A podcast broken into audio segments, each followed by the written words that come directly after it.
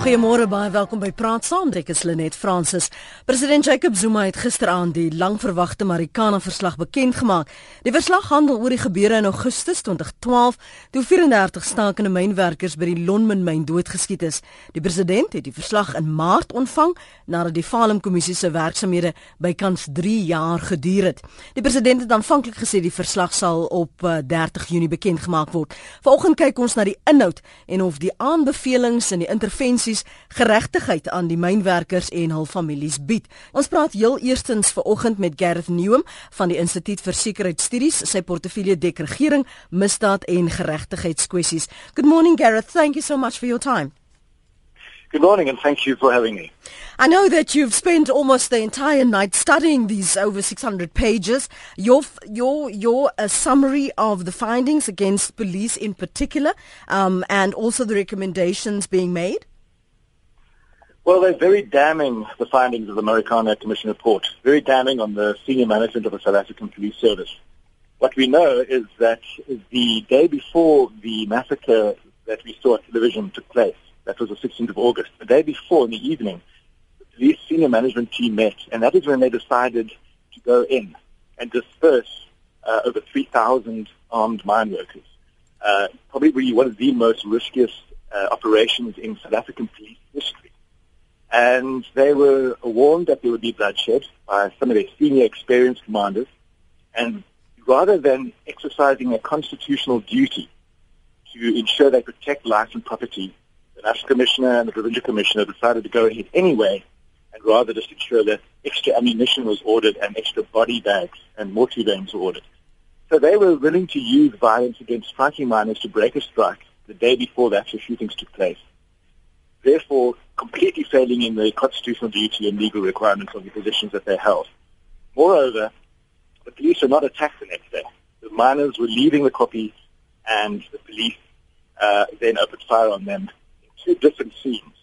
So the initial scene that we saw on TV, the police may have thought that they were under attack, but the miners were not intending to attack them. The miners were simply trying to go back to their informal settlement where they lived and they were herded into a particular area where the police on the ground thought they were being attacked and they opened fire, and therefore might have acted in preterita self-defense, mistaken self-defense. Mm. So those first 17 people who died were killed because the police thought they were being attacked because of poor operational planning. And then later, half an hour later, the police chased down and shot another 17 people dead who were hiding in the copy. More damning for the police after that, and particularly the National Commissioner, is that their first statements tried to cover up from the word go they released a public statement which they knew to be patently untrue or misleading. They told the South African public that 34 people had been killed at scene one, made it look like that, when they knew very well that there were two scenes and what had happened in the operation. And of course, from then on, the cover-up continued to the point that the National Commission of Police and the Provincial Commission and other senior commanders lied under oath before the Commission of Inquiry. They hid evidence, they constructed new evidence, and that is the basis upon which the recommendation is made to the President to establish a board of inquiry into the fitness of the National Commissioner reappears to hold that office. Mm-hmm. Because not only has she failed in the constitutional duty, she's also a person of profound dishonesty and lack of integrity. Simply cannot trust a word that she says. Talking about and staying with your use of the word cover up, is there the almost the making the Northwest Police officials the fall guy in this um, situation? Is it justified? Should they have in any way have um, taken blame for what has happened? Surely, at the end of the day, someone had to to make that call. Well, look, I think the Commission inquiry calls for investigations into various police officials, particularly those that uh, were exercising Operation Command um, and those that opened fire. So there needs to be investigation into all the police, criminal investigations, into all the police officers who used their weapons on that day to determine whether they were uh, shooting in real self-defense or whether they were shooting knowing that they were not, their lives were not threatened. And of course, there is always going to be that situation. I mean, 112 people got shot, 34 people died. You have to take action against those individuals. You have to at least investigate those individuals who are responsible directly for those shootings and deaths. On the other hand, there were there, there is also the commanders who either failed to stop the shooting, mm-hmm. um, failed to give assistance to those that were wounded, and some of them died as a result. Um, and then, of course, the, the, the national commanders and provincial commanders played a role there. I think what one of the big shortcomings of the report is, and it's not um, it's not necessarily deliberate, I don't think it's a deliberate thing, is that it cannot really make findings against those that had political responsibility, particularly the National Minister of Police. It doesn't exonerate the National Minister of Police. It just simply says that the evidence before the Commission uh, isn't uh, sufficient enough for them to make a finding on the kind of role that he may have played. Mm-hmm. The, the report and the final report does go into a lot of detail of the evidence that such a large-scale operation, where you have you have to bring in you know 500 heavily armed police officers with automatic weapons to try and engage the 3,000 armed, angry, striking mine workers, would have had such massive ramifications had it gone wrong as it did, that there's no way that the National Commissioner and others would have taken such a decision if they thought that they had political support and approval. And indeed, there were plenty of phone calls between the National Commissioner and the Minister. She even went as far as changing her version uh, her written version to try and remove the national minister in a second version before the commission. Mm-hmm. So she's definitely trying to protect him. Um, so exonerate, you know, the Senate can't make a finding against him. I think the shortcoming might have been that there should have been actually a recommendation of a, a thorough investigation into the minister's exact um, guidance and oversight of what mm. happened tomorrow. And, and that's, that's other shortcomings that you, you see in this report, Gareth? Um, there's also references and findings against Lonmin and the unions. Yes, uh, Lonmin are particularly are, quite harshly criticized mm-hmm. uh, for a number of reasons. I mean, first of all, we see that they um, misled the police. They tried to make out that what was happening was a dispute between two unions, NUM and AMCU, which is not the case. AMCU were not really involved until much later stages. Um, they failed to uh, ensure that they were paying their workers fair wages. They didn't negotiate.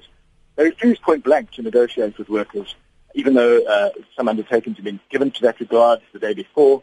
Uh, they also tried to instruct workers to go back to work, even though they're facing a very real threat of violence, because it was a violent strike. People had been killed. So the management were dishonest. They were completely reckless and disregarded the lives and interests of their workers. Um, and we really hope that there is uh, uh, action taken to hold those executives thoroughly accountable for their failings and for their, their callousness and recklessness. And moreover, the Lonmin as an organization, as a mining company, has failed to implement its social responsibility plan. Yeah. So they, for instance, promised to build, you know, so many thousands houses and they built a couple of houses.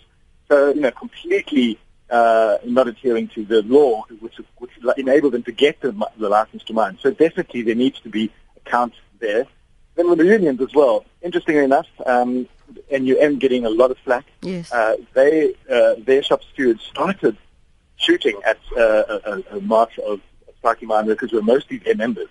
And that, that was the fundamental cause of people starting to arm themselves.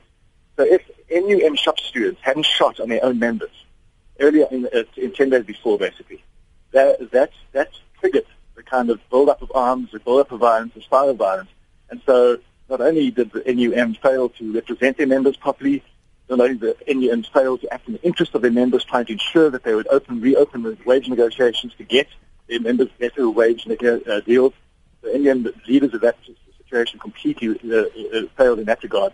They also opened fire and used violence against their members who were striking, um, and that spiraled into into um, violence we saw later. So yes, there needs to be criminal investigations there, according to the, the report uh, against those NUM members who caused those shootings. Um, and then, of course, AMCU, the, everybody who thought they were the real main instigators come off relatively lightly. Basically, yeah. there's foreign reports saying that they simply weren't necessarily exercising full control of all their members, which no union can do. But it goes out of its way to point out that the head of AMCU, Joseph Mthethwa, was the only person in the story, uh, saga that actually tried to stop the situation. He actually went out of his way to try and prevent bloodshed and do something meaningful. So he comes out of this uh, commission inquiry looking very good, uh, much better than NUM, the police, or London management. I, I quickly want to talk about uh, the unions just for the sake of our listeners. Ons het die NEM genader. Hulle het uh, gesê hulle gaan eers die verslag oor die naweek bestudeer en indien daar nou verwikkelinge is of hulle het enigstens 'n persverklaring wat hulle waarskynlik sal uitreik, sal ons uh, hulle weer nader en uh, is dit enigstens lig werp op wat hierdie verslag uh, sê. Ons praat op die oomblik met Gareth Neum van die Instituut vir Sekuriteitsstudies. Sy portefeulje dek regering, misdaad en geregtigheidskwessies. Onthou nou, dis 'n 600 kort bladsye. Uh, ons kan net sekere aspekte oor gesels vanoggend en hy gee nou vir ons 'n opsomming van dit wat hulle verder vandag al die departemente by die Instituut vir Sekuriteitsstudies verder gaan um, ontleed en gaan bespreek en waarskynlik sal ons dan nog verder analise kry. Uh, any reference to the events preceding the Marikana massacre Gareth because 10 people had previously had died before um, this happened surely there's going to be some sort of criminal investigation that needs to follow yes and that is what the Forum report does recommend it does say that in each of those cases where 10 people died in the days running up we, we, we, saw two police officers that were murdered um, we saw two security guards that were murdered, and we saw a number of other striking miners or non-striking miners that were killed. Uh, each one of those cases needs to be thoroughly investigated. In many, in, in many cases, I think you know, there have been investigations already. I mean, the IPID investigated the police shootings. Were investigations by the police into those murders. So they don't have to start these investigations from scratch. Mm-hmm. The investigations are pretty, pretty much put on hold until the end of the commission inquiry. So there should be some evidence already collected. There should be dockets opened already. The murders were reported.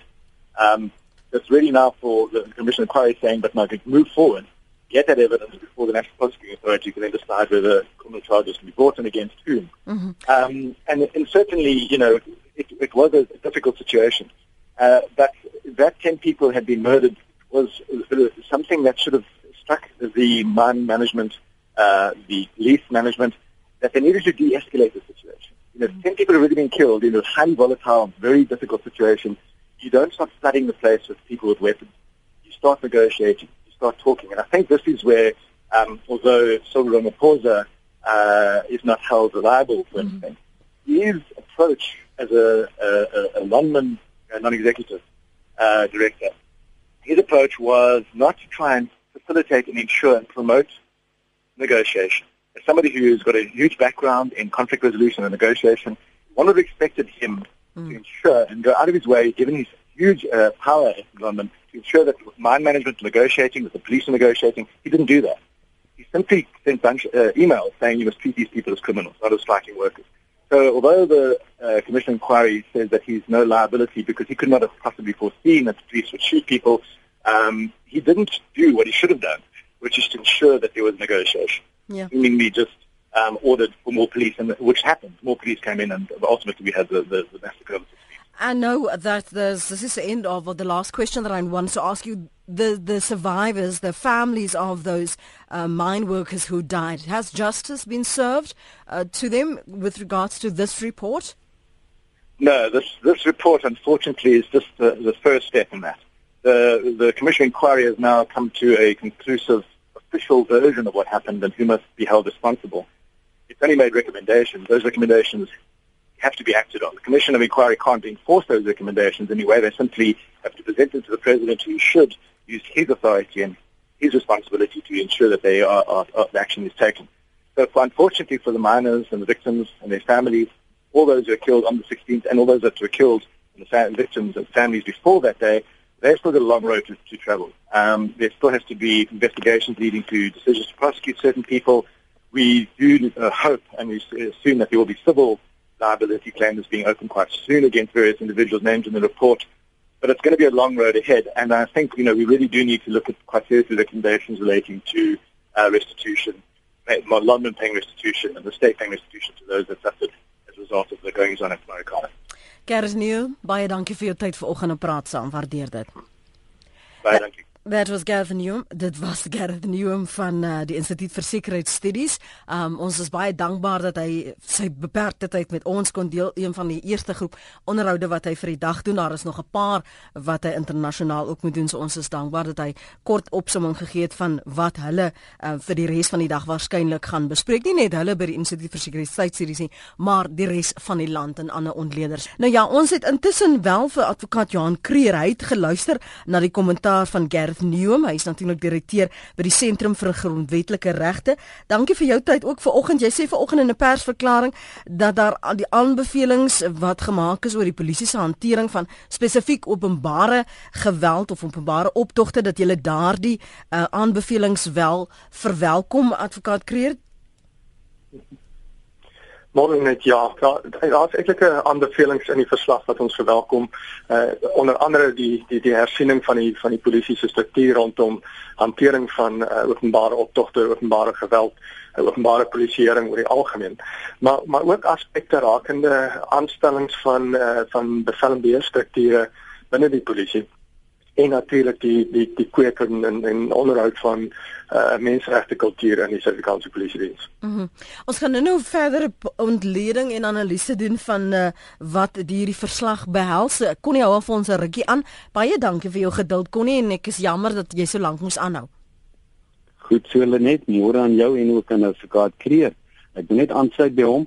Ek is baie bly en is bemoedigend om te sien dat uh, president Zuma daarom aangeslaan het op aanbevelings van van die kommissie en veral waar hulle aanbeveel dat slegs persone met deskundige kennis aangestel word om senior posisies te beklee en dan met die klem daarop uh, in operasionele besluite. En ek dink as ons nou sien wat het die uh, getuienisleier voor die kommissie van uh, kommissaris Ria Piega gesê dat daar getuienis voor die kommissie blyk die verdoemende en die mees uh, beweerde oneerlikheid en onbevoegdheid as 'n kommissaris van die polisie. So ek dink eh, tyd het nou aangebreek dat president Zuma sal moet besluit ons sit nou met heelwat kommissarisse in die polisie wat nie hulle pos waardig is nie en ek dink hierdie hierdie hele storie van Landman die hele slagting die wortels is gevestig in juis 'n polisie optrede waar ons nie 'n kundige kommissaris gehad het nie en dit is bemoedigend en ons hoop net die die die die uh, kommissie van ondersoek uh, sal bewys dat daar nou wel probleme in die polisie geleedere was. Kan, voor, voor, nee nee, voor jy gaan, voor jy gaan. Uh, on, ons fokus nou op uh, Piega, maar moet daar nie 'n mate van aanspreeklikheid wees ook vanaf die minister van polisie destyds na Tim Tetwa nie? Ja, uh, Lenet, ek ek ek ook so gedink en ek ek sien daar was geen bevindings teen teen ja. Natie met dit wat geneem nie. So ek ek dink ons moet bo begin en uh, mense wonder net wat het uh, president Zuma dan nou geglo en wat het hy nie geglo nie. So ek ek ek dink as ons nou daar kyk en selfs in opsigte van adjunkt president Cyril Ramaphosa. So uh, hy het seker sy redes uh, ek ek ek weet nie hoe hy na die uh, verslag gekyk het nie, maar uh, hy het deel wat tyd gehad en mense sou aanvaar dat hy met meer diepte sou moes gekyk het na die minister en selfs na die uh, president Cyril Ramaphosa. Dankie vir jou kommentaar, Connie. Connie van uh, die Suidkamp se mening daarso. Ons praat intussen nog verder met advokaat Johan Kreer. Kan ons gou stil staan by die aanspreeklikheid en en ek weet jy het ook gekyk na en die die situasie en die ontvanging van hierdie Amerikaanse saak gevolg advokaat Kreer die klem wat nou sterk gelê word op wat die aanbevelings is oor Ria Piega, maar geen verwysing of 'n baie terloopse verwysing na die aanspreeklikheid van Natim Tetwa. Ja. Ja, ek ek dink dat die verslag uh, bevind het is dat daar nie noodwendig bewyse was om uh, in in beginsel wat wat strafregtelike of sivielregtelike aanspreeklikheid uh, die minister verantwoordelik kan hou nie. Dit dit laat dit egter nie die einde van die saak nie. Die grondwet is baie duidelik dat uh, daar 'n uh, politieke persoon 'n minister verantwoordelik moet wees vir die polisie en dat so 'n minister verantwoordbaar is gesamentlik met die res van die kabinet aan die parlement vir sy vir optrede. So alhoewel hierdie verslag nie spesifiek rondom die minister se optrede uh, uitlatings maak en bevindinge maak nie. Keer niks die parlement om te sê met die inligting voor ons uh, wil ons graag uh, verdere ondersoek en, en verdere uh, inligting hê van die minister rondom die oorsigfunksie en enerzijds die parlement se oorsigfunksie en anderzijds uh, die oorsigfunksie van van die minister oor die polisie. So alhoewel daar nie bevindinge teen die minister gemaak is nie, is, is jy doodreg die die van die verantwoordelikheid stop by die minister as politieke hoof. En ek dink die parlement het daarvoor 'n rol te speel om seker te maak uh, dat alle inligting rondom die, die politieke bevel en beheerstrukture uh, wel nagekom is en dat dit ver verantwoordbaar gedoen is. Mm. Ons gaan deur die loop van van ons gesprek vanoggend nog verder praat oor die aanbevelings wat gemaak is. Wat 3 jaar is tog 'n lang tyd om te wag vir 'n verslag, advokaat Kreer. Hierdie tipe van van kommissies van ondersoek neem tyd. Uh, Mense kan eenvoudig sien in die in die hoeveelheid van getuienis wat die kommissie moes hanteer en aanhoor die verskillende argumente van van regspanne uh die die omvang van so 'n ondersoek neem tyd en inteendeel ek dink dit is op 'n 'n baie effektiewe en, en redelike spoedige wyse gedoen ge, gegee die groot hoeveelheid van inligting en getuienis wat die kommissie moes hanteer en natuurlik behoorlik verwerk en in 'n in 'n in 'n verslag van 600 bladsye omskakel. Ons gaan deur die loop van vanoggend ook van ons luisteraars hoor. Jy kan saamgesels. Ons praat oor aspekte van eh, die uh, Falem verslag die uh, kommissie se werksamehede wat in hierdie Marikana verslag om om omsit is. En ons kyk na enkele aspekte. Ons kyk na die aanbevelings en die intervensies en of dit werklik waar geregtigheid aan die mynwerkers en hulle families bied daar is natuurlik verskillende aanbevelings wat gemaak is. Um, oor die 600 bladsye ons het so 'n opsomming van um, die bevindinge wat gemaak is teen uh die Unies, jy het gehoor Garth Newman daarna verwys die bevindinge wat gemaak is teen Lonmin hoe hulle moes optree, um spesifieke individue wat genoem word en en dit is die aspekte wat ons op fokus en jy kan gerus saamgesels. Uh, dalk is daar ander invalshoeke wat jy vir ons net 'n bietjie ook moet bespreek of waaroor jy dalk selfs wonder en en wat jy dink ons moet dalk groter klem gelê het in in die in die Marikana um verslag. So jy's baie welkom ook vir my SMS te stuur na 3343 3 elke SMS kos so R1.50. Hier's 'n vinnige een wat vra politieke voordeel. Wie trek politieke voordeel uit hierdie ehm um, verslag en die bevindinge wat gemaak word en selfs die wyse waarop die president dit hanteer het? Advokaat Kreer. Wel dit is uh, 'n moeilike vraag vir my om hmm. te ons kyk na die verslag vanuit 'n grondwetlike oogpunt en vanuit 'n regsoogpunt nie noodwendig die die politieke implikasies nie. Ek dink die die politieke implikasies deur die uh, parlement en die onderskeie politieke partye hanteer te word. Ek dink wat belangrik hier is is dat die die president gestaand eh, 'n uh, verslag weergegee het soos deur hom voorgehou of aan hom voorgehou deur die deur die kommissie. Uh, wat nou daaruit voortspruit, uh, behoort uh, regsprosesse en regsprosedures te wees ek sal my nie eerder uitlaat in in uh, oor, oor die politieke mm. uh, gevolge hiervan nie. Uh, soos ek reeds opgemerk het wat wat wel krities van belang is is dat daar politieke beheer oor staatsdepartemente insluit in die polisie moet wees en en dat uh, 'n minister en die kabinet verantwoordelikheid moet neem vir hoe sy staatsdepartemente funksioneer. Gepraat van polit politieke voordeel al dan nie, um, net vir die luisteraars ter agtergrond sê, verskeie politieke partye het hulle menings gelig oor die bekendmaking van die Marikana verslag. Die ANC sê die waarheid het uiteindelik uitgekom.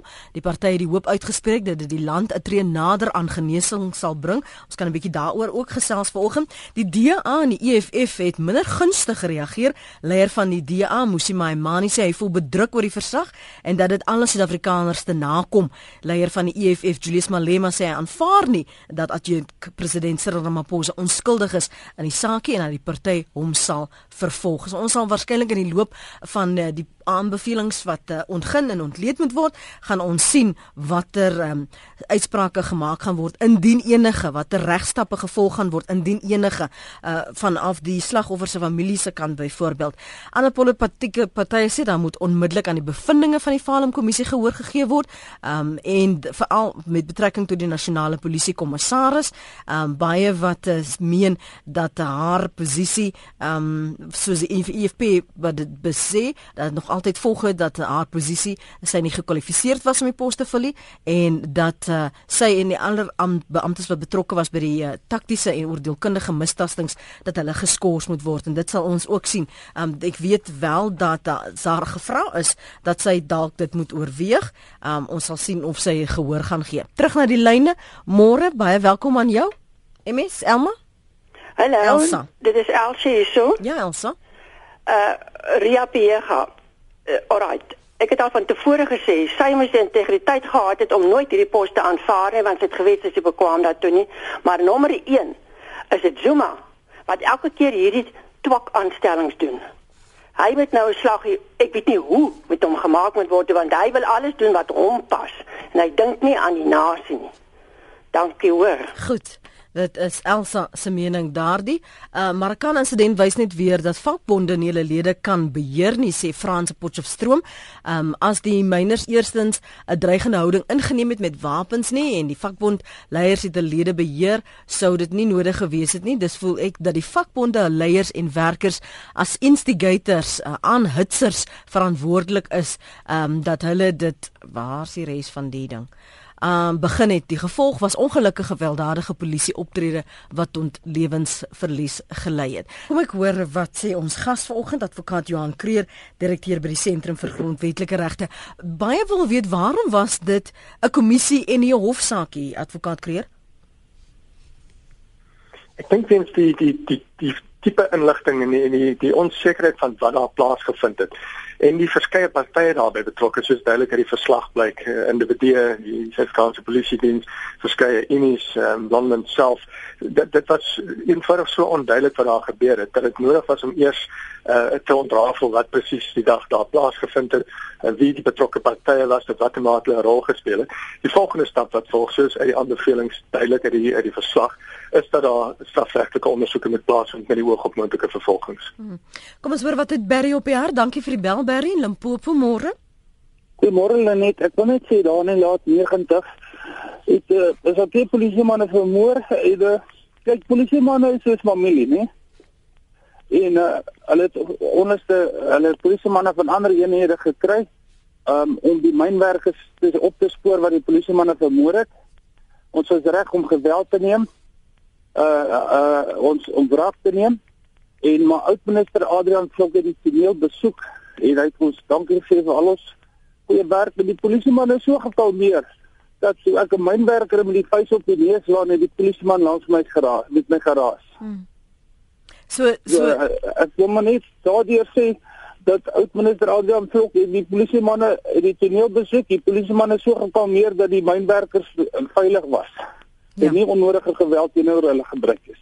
Goed, dankie vir jou kommentaar Barry. Barry wat 'n terugblik gee op insidente waar uh, die situasie anders hanteer is waar emosies ook hoog geloop het. Die die IFP praat van van die die taktiese, die ernstige taktiese en ondeelkundige mistastings uh, rakende Marokane veral vanaf die polisie uh, se kant. Advokaat Kreer, hoe hoe anders sou dit moes dit beheer kon gewees het? Veral as jy nou kyk ook wat Barry sê, daar was emosie, ek dink uh, Gareth Newm ook al na verwys, die klimaat was sodanig dat jy nie net van uit jou kantoor e-pos stuur en sê hulle is kriminele, hulle moet sodanig hanteer word nie. En as jy kyk ook na die bevindinge uh, hoe hoe landmen dit moes hanteer het. Hmm. Wel ek ek dink myns insiens eerstens die die, klem van die verslag uh lê by die by die Suid-Afrikaanse Polisie Diens en by die nasionale kommissaris tot 'n groot mate. En ek dink onderliggend daartoe is daar twee punte wat wat tot 'n mate deur van die luisteraars aangespreek is, maar wat ek dink uh, wesenlik van van aard is. Die een is die tipe aanstellings wat in die Polisie Diens en ander departemente veral in in die die die strafregstelsel gemaak word. Uh die die feit dat aanstellings op politieke oortuiging, politieke oortuiging eerder as op kwalifikasie en bewese ervaring in 'n bepaalde omgewing gemaak word, het 'n impak op operasionele besluitneming. Dit het mm. 'n impak op taktiese beplanning wat in hierdie geval duidelik gewys het. Die tweede punt wat ek dink van van kritiese belang is, is die vestiging van 'n menseregte kultuur binne die Suid-Afrikaanse Polisie Diens. Die uh, Suid-Afrikaanse Menseregte Kommissie het dit etlike jare gelede reeds aan die polisie duidelik gemaak uh dat dat daar nie net deur 'n eenmalige opleiding maar deurlopende proses van van opleiding 'n uh, menseregte kultuur in die polisie geskep moet word om lede so op te lei en en en so toe te rus dat hulle binne 'n grondwetlike raamwerk besluite neem veral wanneer hulle onder druk besluite moet neem.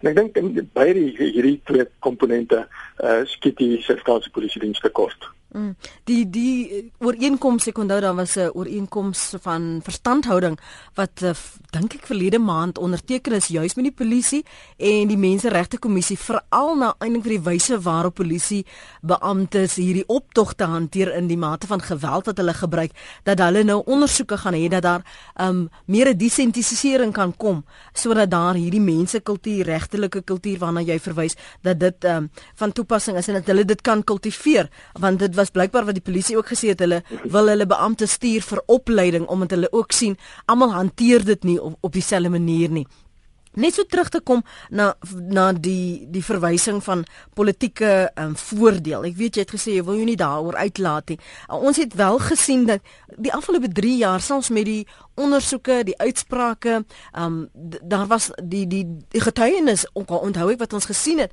waar sommer Ramaphosa byvoorbeeld um, gaan gaan getuig het en ondervra is deur die prokureur van die slagoffers se se families het dit 'n politieke spelbal geword. Eh, dit dit en as jy nou ook sien die mate van kwytskelding noem ek dit maar in aanhalingstekens wat ons nou sien in, in hierdie verslag is daar geen ander manier om tog dit in ag te neem dat dit wet 'n politieke speelbal geword tussen die unies tussen die die myn uh, maatskappye die regering uh, spesifieke individue binne daardie uh, um, portefeuilles.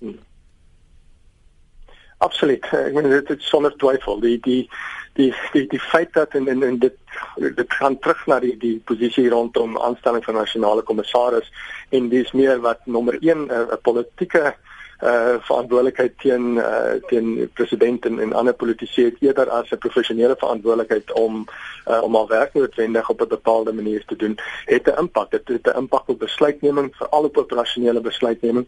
En, en sonder twyfel is is daar 'n politieke invloed wat wat 'n reuse rol gespeel het in in hierdie hele insident en insidente rondom die, die Marikana uh geval die dag self.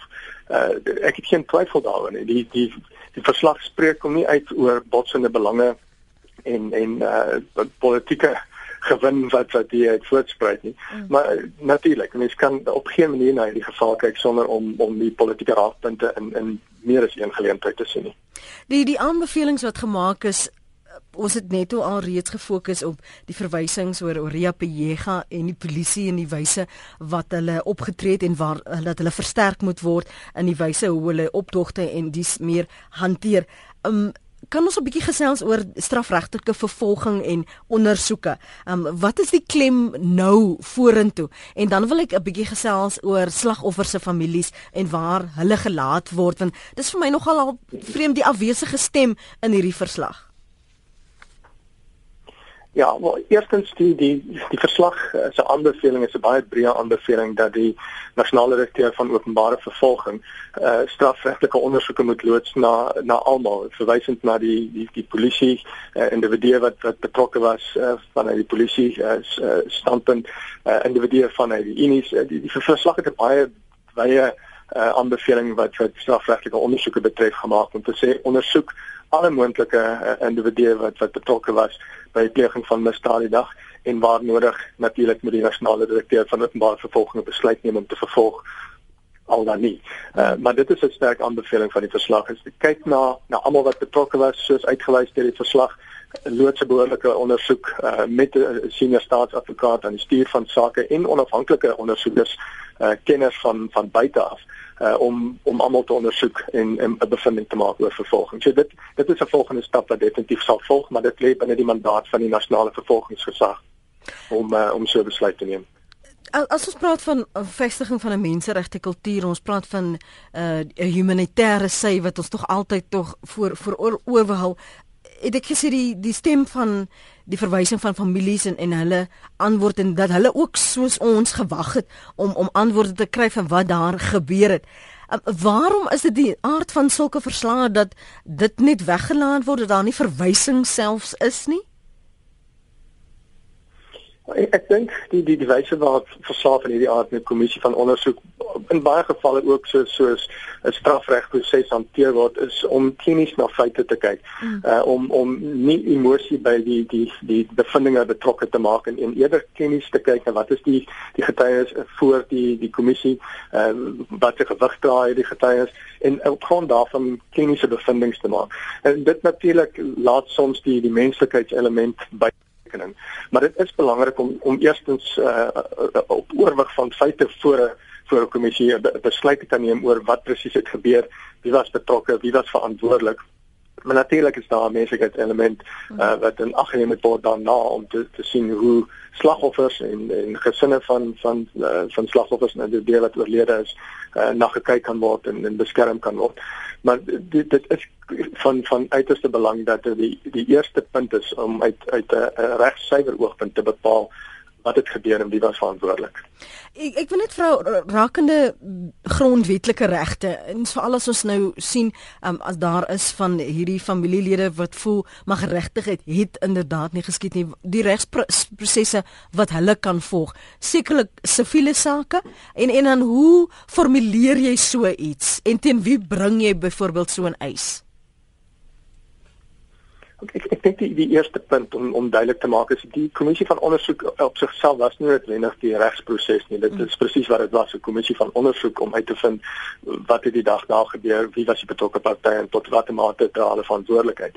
Die prosesse wat nou volg, uh, en veral die strafregtelike prosesse, is die werklike strafregprosesse wat sal bepaal of daar uh, skuldig is, is en tot watter mate uh, wie skuld moet dra en en uh, of skuldige uh, individue in die pen moet dra en tot watter mate. So dis 'n proses wat nog gaan volg en dis presies wat die nasionale uh, vervolgingsgesag moet doen en so saak die sake voor die howe bring om dit uh, behoorlik te vervolg en dis dis 'n proses uh, wat wat aan die aan, aan die gang is en wat sal volg. Mm. Uh soveel regtelike prosesse uit die aard van saak word net die eerste lees van hierdie verslag uh sien ek etlike moontlike soveel regtelike prosesse wat wat hier uit kan voortspruit.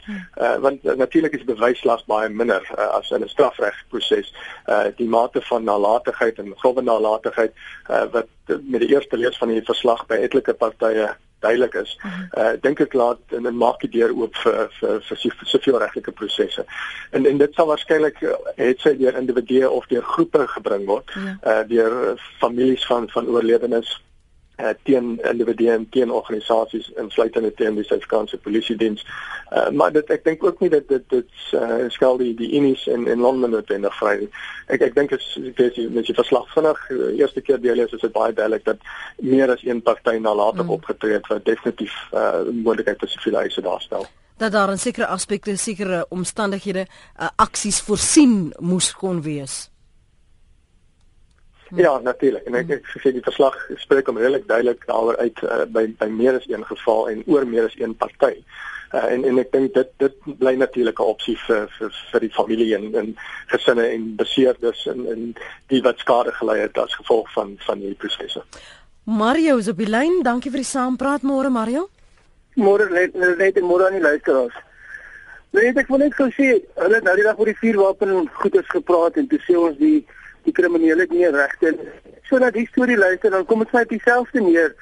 Want daar word nie eendag gepraat van die betogers wat wat verkeerd opgetree het nie. Elke keer is dit die polisie wat verkeerd opgetree het. En as jy vat die vorige ek dink 'n dag of twee voor die tyd was daar mense van die kant of van die ehm um, sekuriteit mense doodgemaak. Nou sê ek hy staan jy daar jy is die minderheid en hier staan hierdie hordes mense op die af So dis wat ek nie kan verstaan nie. Dis nou heeltemal die polisie. Die polisie was nie daar omdat hulle daar wou wees nie. Die polisie was daar maar om omdat daar ander mense is wat 'n situasie geskep het vir die polisie om daar te wees. Goed. En ek wil op die ouende vat ons al die reg van die polisie af. As dit so aangaan geniemand nie polisie manne wil word nie, want as jy die die die, die polisie is daar om die wet toe te pas. En as hulle die wet toepas, dan word hulle vervolg. So ja, ek sou hartjie vir die mense wat doodgeskiet is, ek wil hê nie.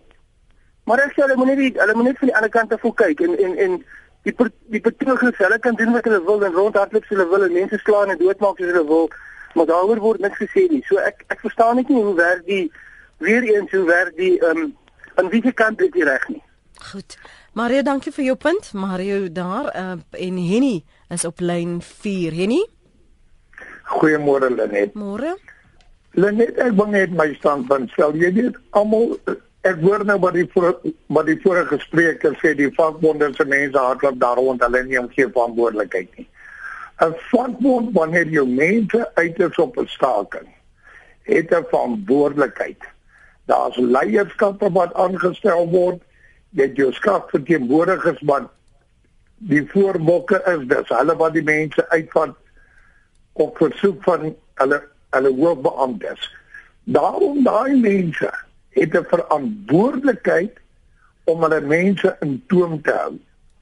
So die vakbond is net so verantwoordelik vir wat daar gebeur het en ek glo wanneer die ondersoek nou gedoen word in die howe en so aan dan sal die vakbond aanspreeklikheid moet aanvaar en as daar vergoeding gegee word sal hulle ook daarbey deel. Goed. Dankie vir jou nog 'n punt wat jy het dalk uh, Henny of kan ons jou maar Nee, nee, dit, ek wou dit net genoem het want dit is baie belangrik dat die mense moet verstaan wat 'n vakbond se verantwoordelikheid wanneer jy op 'n staking uitgaan of enige protesaksie. Daar word marshals aangestel en daai marshals is verantwoordelik om hulle mense in toom te hou. En wanneer die mense hand uitdruk, onthou die vakbond die lede wat deel in die vakbond is 'n opdrag van die vakbond daar. Ja. So die verantwoordelikheid lê by die vakbonde. Die hele onus opgebel lê dan op daai vakbonde. Ek wou net daai standpunt Dan, baie sterk gestel. het. baie dankie en jy het inderdaad hier 'n mooi dag vir jou verder. Vroeger vanoggend ons met Gavin Newham gepraat het van ISS het hy sy tekortkominge uitgewys. Enige wat jy uh, uh, pertinent onder ons aandag wil bring, eh, advokaat Kreer, wat vir jou uitstaan? Ek ek dink die, die verslag handel uh, tot 'n groot mate met met 'n uh, groot komp inligting op 'n op 'n baie bekwame wyse. Uh, ek ek dink ek, ek stem met Gareth saam dat die die een area waar daar 'n moontlike tekort is is aan politieke verantwoordelikheid en verantwoordbaarheid uh, van van politieke leiers. Mm. Maar soos ek reeds opgemerk het, die die niks keer die parlement om sy eie ondersoeke en 'n kommissie uh, of of komitee ondersoeke te loods na uh, na aanleiding van van die minister se optrede en en die kabinet se optrede. Nie. Dit, dit daar is steeds 'n opsie beskikbaar daarvoor. Mm. Een ander punt wat ek dalk het wil maak um, rondom ander rolspelers en ons het redelik gefokus op die Suid-Afrikaanse Polisie diens uh, en en en hulle belang by by die gebeure. Maar die die verslag maak dit ook duidelik dat uh, daar daar sekere skuld lê by ander individue en verantwoordelikheid lê by ander individue. Uh, in in die verband het die verslag het baie duidelik aanbeveel dat die direkteur van nasionale uh, openbare vervolging ja. ook moet kyk na uh, misdrywe wat gepleeg is in terme van die wette op op dra van gevaarlike wapens openbare byeenkomste. So dis nie asof uh, die stakers en en uh, uh, miners en, en lede van unies noodwendig skotvry en onskuldig is nie. Uh, daar sal ondersoeke daarna gedoen word en en waar nodig vervolging plaasvind. En ons gaan nog baie ontderings doen en, en waarskynlik soos u reg net gewees gesê het, maar moontlik ook uh, regstappe sien vanaf uh, die slagoffers se familie se kant. Baie baie dankie vir jou beskikbare tyd vanoggend. Dit was baie moeilik om mense te kry wat eintlik die, die, die inhoud gelees het en verstaan het en dit kon verwys het en nie so oor oorsigtelik kon praat nie. So baie dankie daarvoor advokaat Jan Kreer. Ek waardeer dit. Mooi naweek. Dis my plesier baie dankie. Dit was advokaat Johan Kreer, direkteur by die Sentrum vir Grondwetlike Regte. Ons het vroeër ook gesels met Gareth Newham um, van die Instituut vir Sekuriteitsstudies, sy portefeulje dek regering, misdaad en geregtigheidskwessies. Ons het ook probeer om met eh, NUM in kontak te tree. Hulle het gesê hulle wil eers die uh, verslag bestudeer. Hulle sal waarskynlik oor die naweek gaan hulle 'n uh, verklaring uitreik en dan sal hulle hulle standpunte belig daarin en ook probeer praat met die sentrum vir verantwoordbaarheid sodat ons net kon hoor wat is die regstappe en veral wat uh, van die kant van die families wat voel geregtigheid is nie uh, gedien nie. En dan daarmee saam regstappe van die verantwoordbaarheid van polisie se kant uh, Lonmin en dan ook uh, hierdie vakbonde. Maar ons gelukkig was ons gas oor see so ons kon nie verder daaroor gesels nie. Dankie vir die afgelope week se saamgesels. Baie dankie aan uh, ons regisseur my regisseur Jody Hendrik Hendriks vir vanoggend se vinnige werk en samestelling. Ons moes moes moes soek vir iemand wat die 600 bladsye kon deurwerk en nie net kyk na opsommings nie. Waardeer jou werk, Jody. Vir almal wat navraag het oor die inhoud van Praat Saam kry dit op ons pot gooi. Gaan net na rsg.co.za en jy sal dit daar vind. En vir meer sake van aktuelle belang kan jy Sondae aande om 7uur aansluit by die Fokusspan op SABC3.